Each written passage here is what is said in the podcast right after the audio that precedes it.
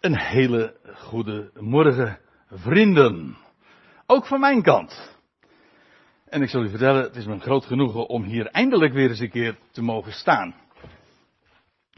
En ik heb dat dus even nagekeken thuis, maar de laatste keer dat ik hier was. Toen moest ik mij trouwens ook hier voorstellen, realiseer ik me nu. Want toen had ik voor het eerst een baardje laten staan. En toen zeiden mensen, ben jij André Piet? En toen moest ik inderdaad zeggen, ja, dat ben ik. En nu moet ik opnieuw zeggen, wie ben jij? Een antwoord daarop geven. Want ja, het is inmiddels dus ja, zo'n beetje drie kwart jaar geleden dat we elkaar voor het laatst uh, hier op deze plaats dan getroffen hebben. Nou, het is uh, goed elkaar hier uh, te ontmoeten. In deze setting wat apart, dat moet ik er wel bij zeggen, maar het maakt niet uit. En inderdaad, zoals zojuist door Els is aangekondigd, is het thema negatieve dingen. Wat doe je daarmee? En bij nader inzien moet ik zeggen, toen ik het opgegeven had, dacht ik van André, dat is een beetje al te abstract, al te vaag als je het zo formuleert. Maar goed, ik had het inmiddels al opgegeven, dus ik kon het niet meer veranderen. Want ja, wat bedoel je nou eigenlijk met negatieve dingen? Dat is, dat is nogal breed, want ja, kijk, uh, dat hangt er even van af aan wie je die vraag stelt. Als het, als het vraagt aan een, uh, nou ja, er zijn tegenwoordig van die teststraten, weet je waar je naartoe kan gaan. En als er dan negatief het, uh, het resultaat negatief is, dan moet je blij zijn dus. Hè? Uh, maar ja, goed, ik heb ook een plaatje, maar je ziet dat niet zo heel erg goed. Dat is dan eigenlijk een, uh, een zwangerschapstest. Dat kan ook negatief of positief zijn. En als het positief is, uh, dan is dat, ja, dan ben je in blijde verwachting. Maar sommige mensen die zijn ongewenst zwanger, dat kan ook nog. Dan is het toch, nou ja, begrijpt u, het is, uh, het is nogal ingewikkeld. Is negatief nou positief of, nou ja, enzovoort. Dat soort dingen. Maar in ieder geval voor de medicus heeft het een heel andere betekenis dan voor een wiskundige bijvoorbeeld. Want negatieve getallen, waar we allemaal mee rekenen, uh, hoewel we de laatste in deze zomer vooral met positieve temperaturen rekenen. Maar goed, hè, en en die koude winters, dat, we, dat het min zoveel is, dat maken we niet zo vaak meer mee. Maar goed, dat zijn negatieve getallen. En uh, zal ik u nog eens wat noemen, negatieve spaarrente. Ook dat fenomeen bestaat tegenwoordig. Dat is ongehoord, maar ja, nou ja. Uh, in ieder geval een econoom of een uh, bankdirecteur verstaat onder het woord negatief toch weer iets heel anders. Uh, dan heb je ook nog zoiets als, en dat is een term die psychologen graag gebruiken, negatieve energie. Zullen we die dan maar even skippen, want daar komen we straks nog wel even, over te spreken op een andere manier. En trouwens, een fotograaf die verstaat onder negatieve dingen nog weer iets heel anders, namelijk het negatief van een foto.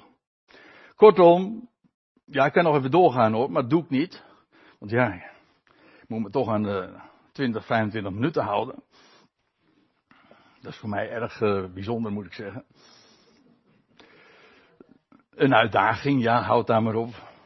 Vorige week sprak ik uh, over één vers 70 minuten, dus ja. Nou ja, maakt niet uit.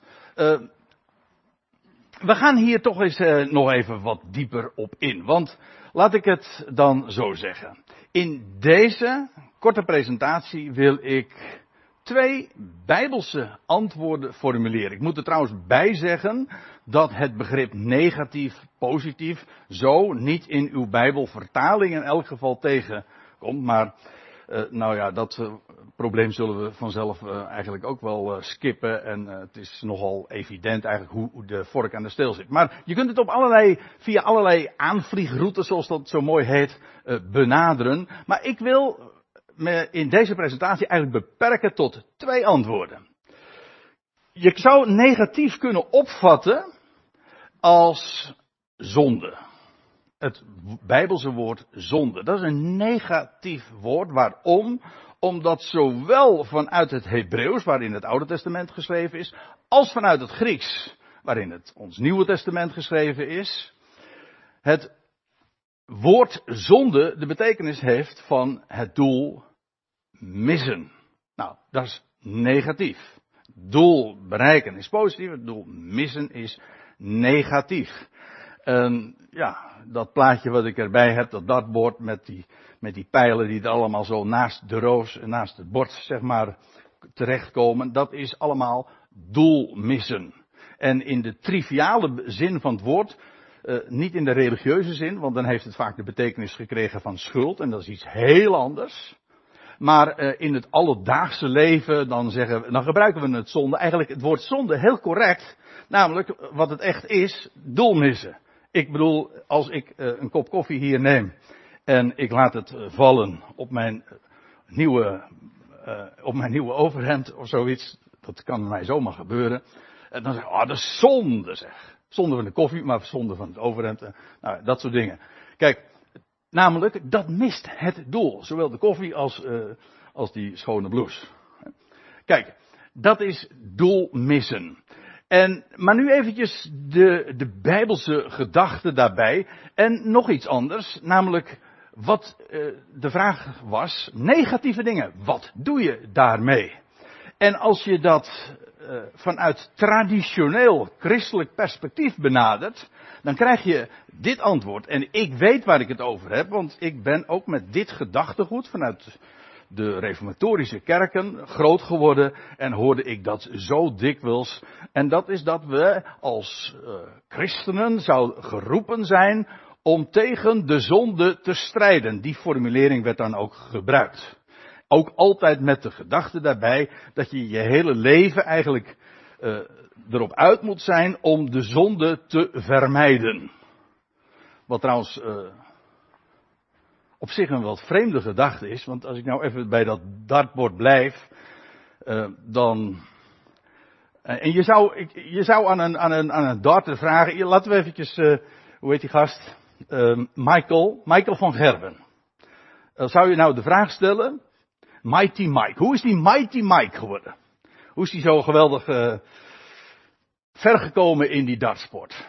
Als je aan hem zou vragen, als, je tegen hem zou zeggen van, uh, ben jij daar nou gekomen al, uh, doordat jij altijd probeert te vermijden om niet in de roos te gooien? Zo, zo, zo word jij natuurlijk geen goede darter, hè? En dan word je ook geen Mighty Mike door.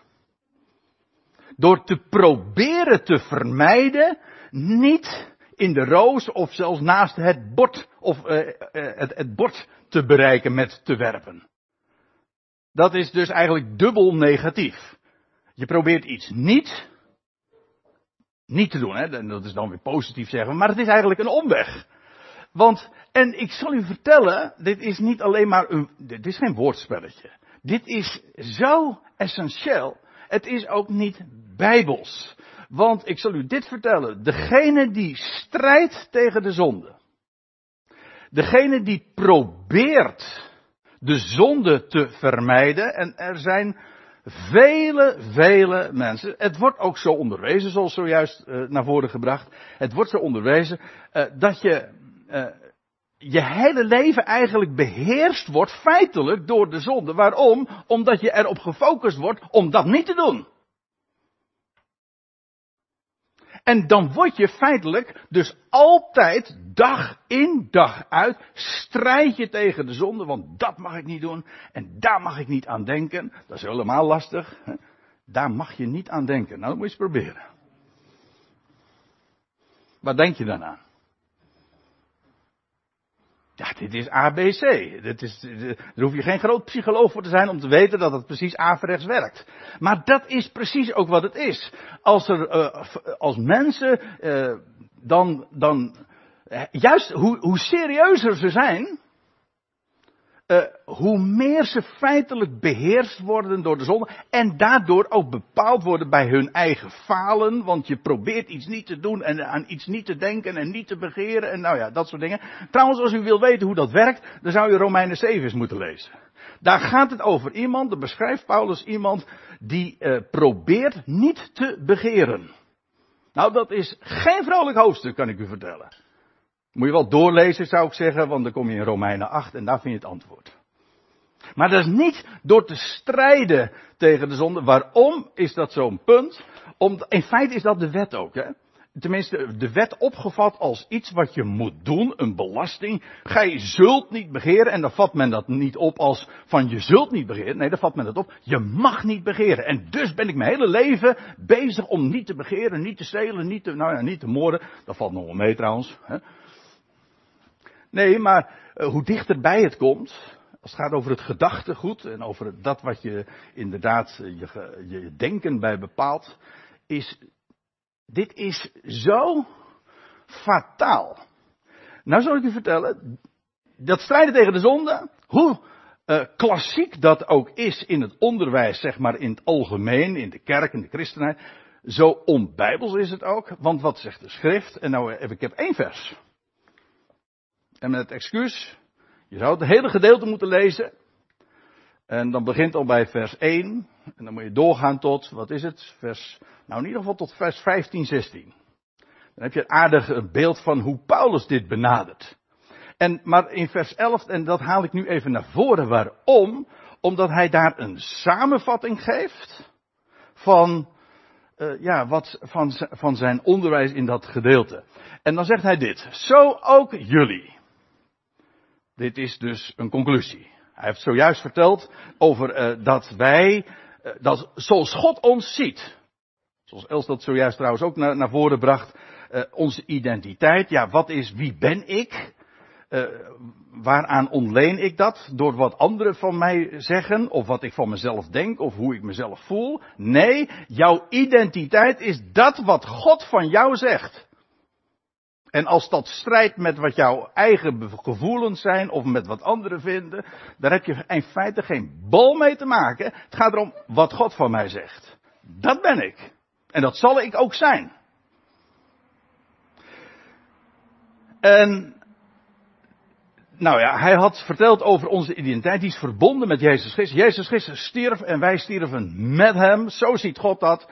En hij werd opgewekt uit de doden en wij wandelen nu ook in nieuwheid van leven. Dat wil zeggen een opstandingsleven. En dan zegt hij, zo ook jullie, dus net als Christus, eenmaal stierf voor de zonde. En opgewekt is uit de doden. En de zonde achter hem ligt. Daar ook niets meer mee te maken heeft. Een nieuw leven en een toekomst. Eindeloos, kwalitatief, kwantitatief een eindeloos leven in het verschiet. Wel, zo leven wij. Zo ook jullie. Reken jezelf. Dat is een mooi woord. Reken jezelf. Heeft iets met logica te maken. Ziet u, heeft niks met gevoelens te maken. Niemand is daarin um,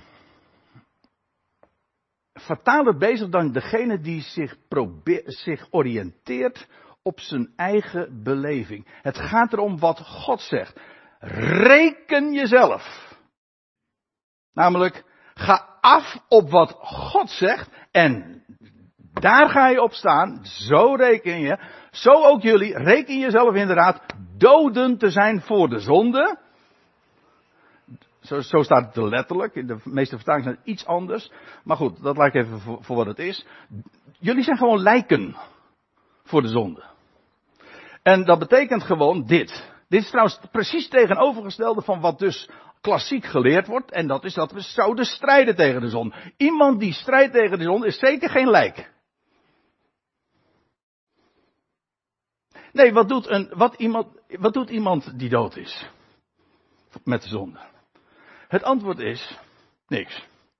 Een dode doet namelijk helemaal niks. Die heeft geen weet van. Eigenlijk is dat de betekenis ook van een dode zijn. De overdrachtelijke zin, eh, letterlijk is een dode iemand die niks weet. Maar in de overdrachtelijke zin is het een, een dode iemand die onwetend is van, van God. En een dode te zijn voor de zonde betekent dat je gewoon, je, je hebt daar niks mee te maken. Wat hebben wij met de zonde te maken? Nou, de zonde, eh, dan moet je niet negeren zeggen.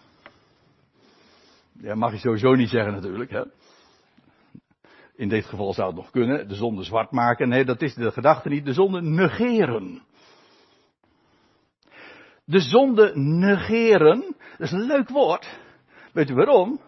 Omdat het werkwoord negeren alles te maken heeft met dat bijvoeglijk naamwoord negatief. Negatief is afgeleid van het werkwoord negeren. Misschien omgekeerd, dat weet ik, daar blijf ik vanaf, maar in ieder geval, het hangt direct met elkaar samen. Dus eigenlijk, de vraag is, wat doe je met het, neg met, uh, het negatieve, namelijk de zonde? Antwoord, je hebt het al gegeven, in feite in de vraag al gegeven. De vraag stellen is haar beantwoorden. Namelijk, wat doe je met het negatieve van de zonde? Negeren. Heb je helemaal niks meer mee te maken. Je reken jezelf doden te zijn voor de zonde. En dat is. Uh, ja, dat is geweldig. Als je zo mag leven. Maar ik moet er wel bij zeggen, het is de helft van het verhaal. Want, uh, uh, want als je nou zou zeggen van, nou, dus ik ga proberen te negeren. Ja, heb je, dan, dat werkt dus niet. Daarvoor moet je, heb je een alternatief nodig. Je kunt iets alleen maar negeren als je een alternatief hebt. Je kan zeggen van, je, moet niet aan, je moet niet aan blauw proberen te denken. Maar dan denkt u aan blauw. Maar als ik u vertel over, over rode dingen, over rode blouse, over een, rode, over een rood huis, of weet ik veel wat, alles wat rood, dan denk je vanzelf niet meer aan blauw. Kijk, en dat is zoals Paulus het ook zegt, zo reken je zelf inderdaad doden te zijn voor de zonde. Dat wil zeggen, dat is verleden tijd, dat is uh, finito, dat is voorbij, daar heb je helemaal niks meer mee te maken. Want God ziet jou namelijk in Christus volmaakt. Dus hoezo zonde? Wij, weet u dat dat, ja, dat gaat zover. In de Bijbel is een iemand die gelooft en zich verbonden weet met Jezus Christus ook geen zondaar meer. Als je niet gelooft wil, moet u het even, door, even teruglezen in Romeinen 5, vers, ik geloof vers 8. Daar staat dat wij zondaren waren. Verleden tijd. We zijn geen zondaren meer. En dan zeggen we, ja, maar dat is maar makkelijk. Ja, dat bedoel ik. Dat is ook makkelijk. Dat is, dat is het geweldige van het evangelie. Met de zonde hebben we niks meer te maken. En hoe dan wel? Nou, wij leven gewoon voor God. Wij leven voor Hem. En de zonde? Zonde? Wat? Dat is voorbij. Wij leven voor God en er staat er nog bij in Christus Jezus, want dat was de clue van het verhaal. Wij zijn namelijk verbonden met Hem. Hij stierf en Hij is opgewekt. En aangezien wij verbonden zijn met Hem en Zijn lot is ons lot, en dat is onze identiteit, dan staan wij dus al, dan leven, nee, we staan niet, wij leven, uh, uh, wij zijn uh, al voor de zonde doden, lijken. Daar hebben we niets meer mee te maken. En wat doen wij? Wij leven voor God. We staan op, we staan op s morgens en we leven voor God. Niet van hoe kan ik vandaag proberen de zonde te vermijden. Weet u wat? Dan, bent, dan wordt u beheerst door de zonde. Hoezeer je ook je best doet, beheerst worden door de zonde. Wij denken dan van je doet niet anders dan zondigen. Of je, je bent erop uit om Gods wil of zo te, niet te doen. Nee, beheerst worden door de zonde wil zeggen ook, en dat is juist religieus. Dat is degene die dus strijdt tegen die zonde. Oké. Dus wij leven voor God. Nou, dat is één ding. Nou kom ik bij mijn tweede antwoord. De twintig minuten red ik nou toch al niet meer. Maar goed. Ik, had, zal je vertellen, ik had uh, deze tekst. Uh, wat er ook gebeurt, doe altijd alsof het de bedoeling was. Ik had in 1980 mijn eerste autootje een lelijke eend. Een deux zoals dat heet. Een rode. Um, uh, daar, ik, ik, had ooit daar een sticker of goch, uh, die op de achterkant, op de achterruit geplakt. En daar stond deze tekst op. Ik vond hem altijd mooi. Ik vond hem leuk.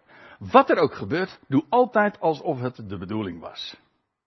In feite is deze leuze, dit motto, de de clue, de essentie van wat heet uh, positief denken. Dat is ooit in uh, de vorige eeuw met name vooral op de kaart gezet door deze man, Norman Vincent Peale. Hij heeft allerlei boeken daarover geschreven, over positief denken.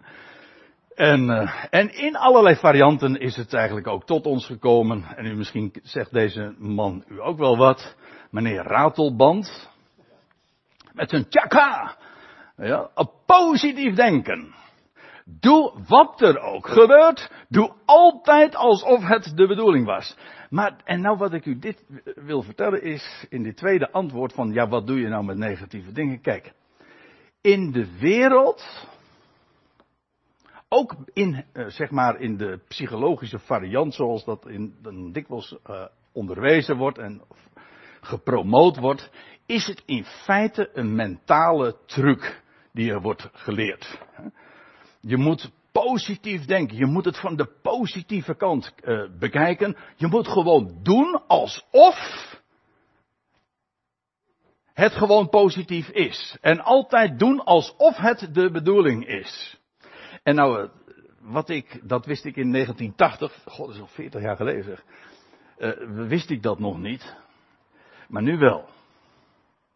Ik hoef helemaal niet te doen alsof. Dus ik heb nog steeds diezelfde. Uh, ja, toen dacht ik al van ja, dit moet het zijn. Maar toen dacht ik dat het een truc was. Nu weet ik, wat er ook gebeurt, het is de bedoeling. Als het namelijk niet de bedoeling zou zijn, was het niet gebeurd.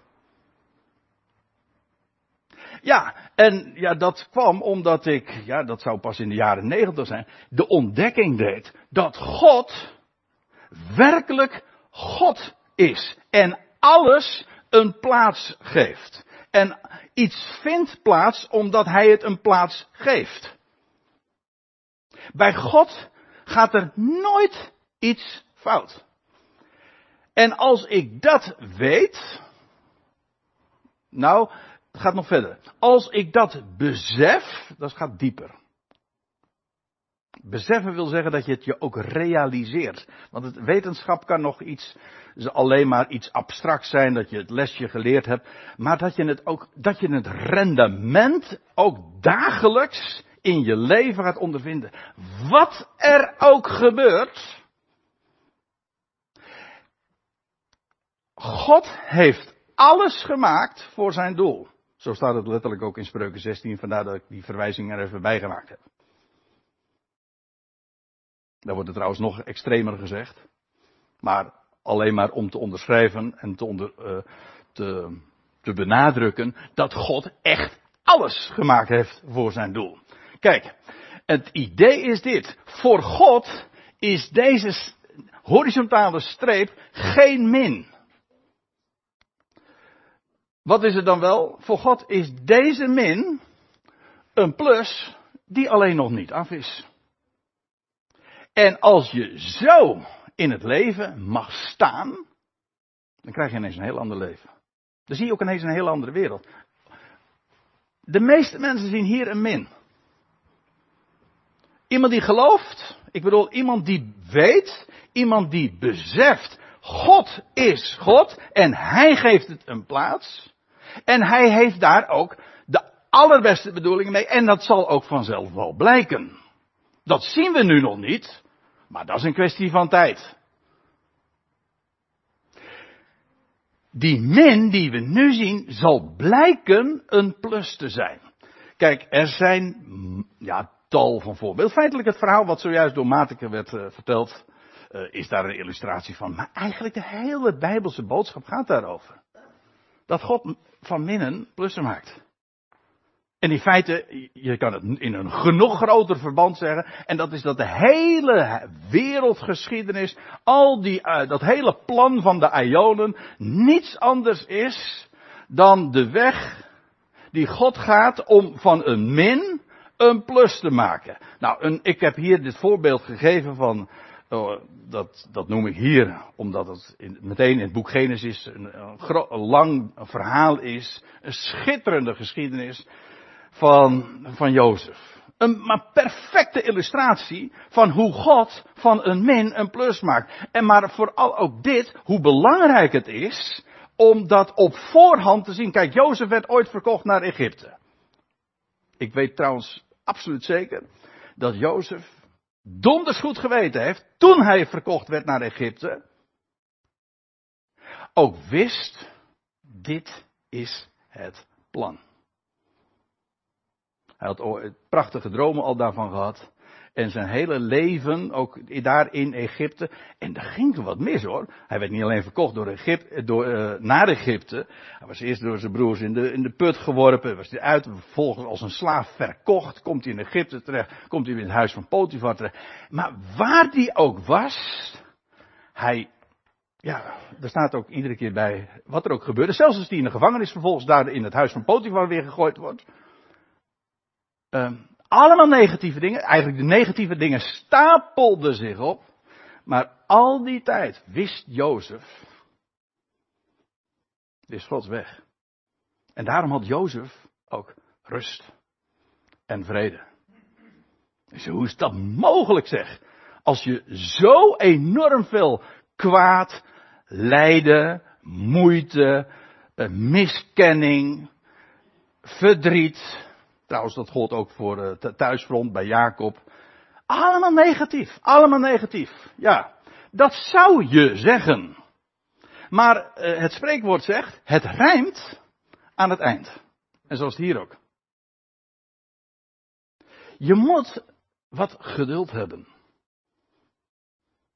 En, want als uiteindelijk Jozef via een hele wonderlijke route, Gods wegen zijn wonderlijk, uiteindelijk dan koning wordt in Egypte. En in de eerste jaren dan graanschuren bouwt en nou ja, u weet het, er komt een hongersnood en uiteindelijk komt zijn familie, zijn broers met hangende pootjes bij hem terecht. En dan zegt, ja, en dan keert het hele verhaal zich om. En dan zegt Jozef, als die zich bekend maakt, ja, jullie denken nu dat jullie mij hebben verkocht hier naartoe. Hè? Hij zegt, maar dat is niet zo hoor. Dat lijkt alleen maar zo. God heeft mij hierheen gestuurd om jullie in leven te houden. Daarom. En om te, nou ja, om nog meer hoor trouwens.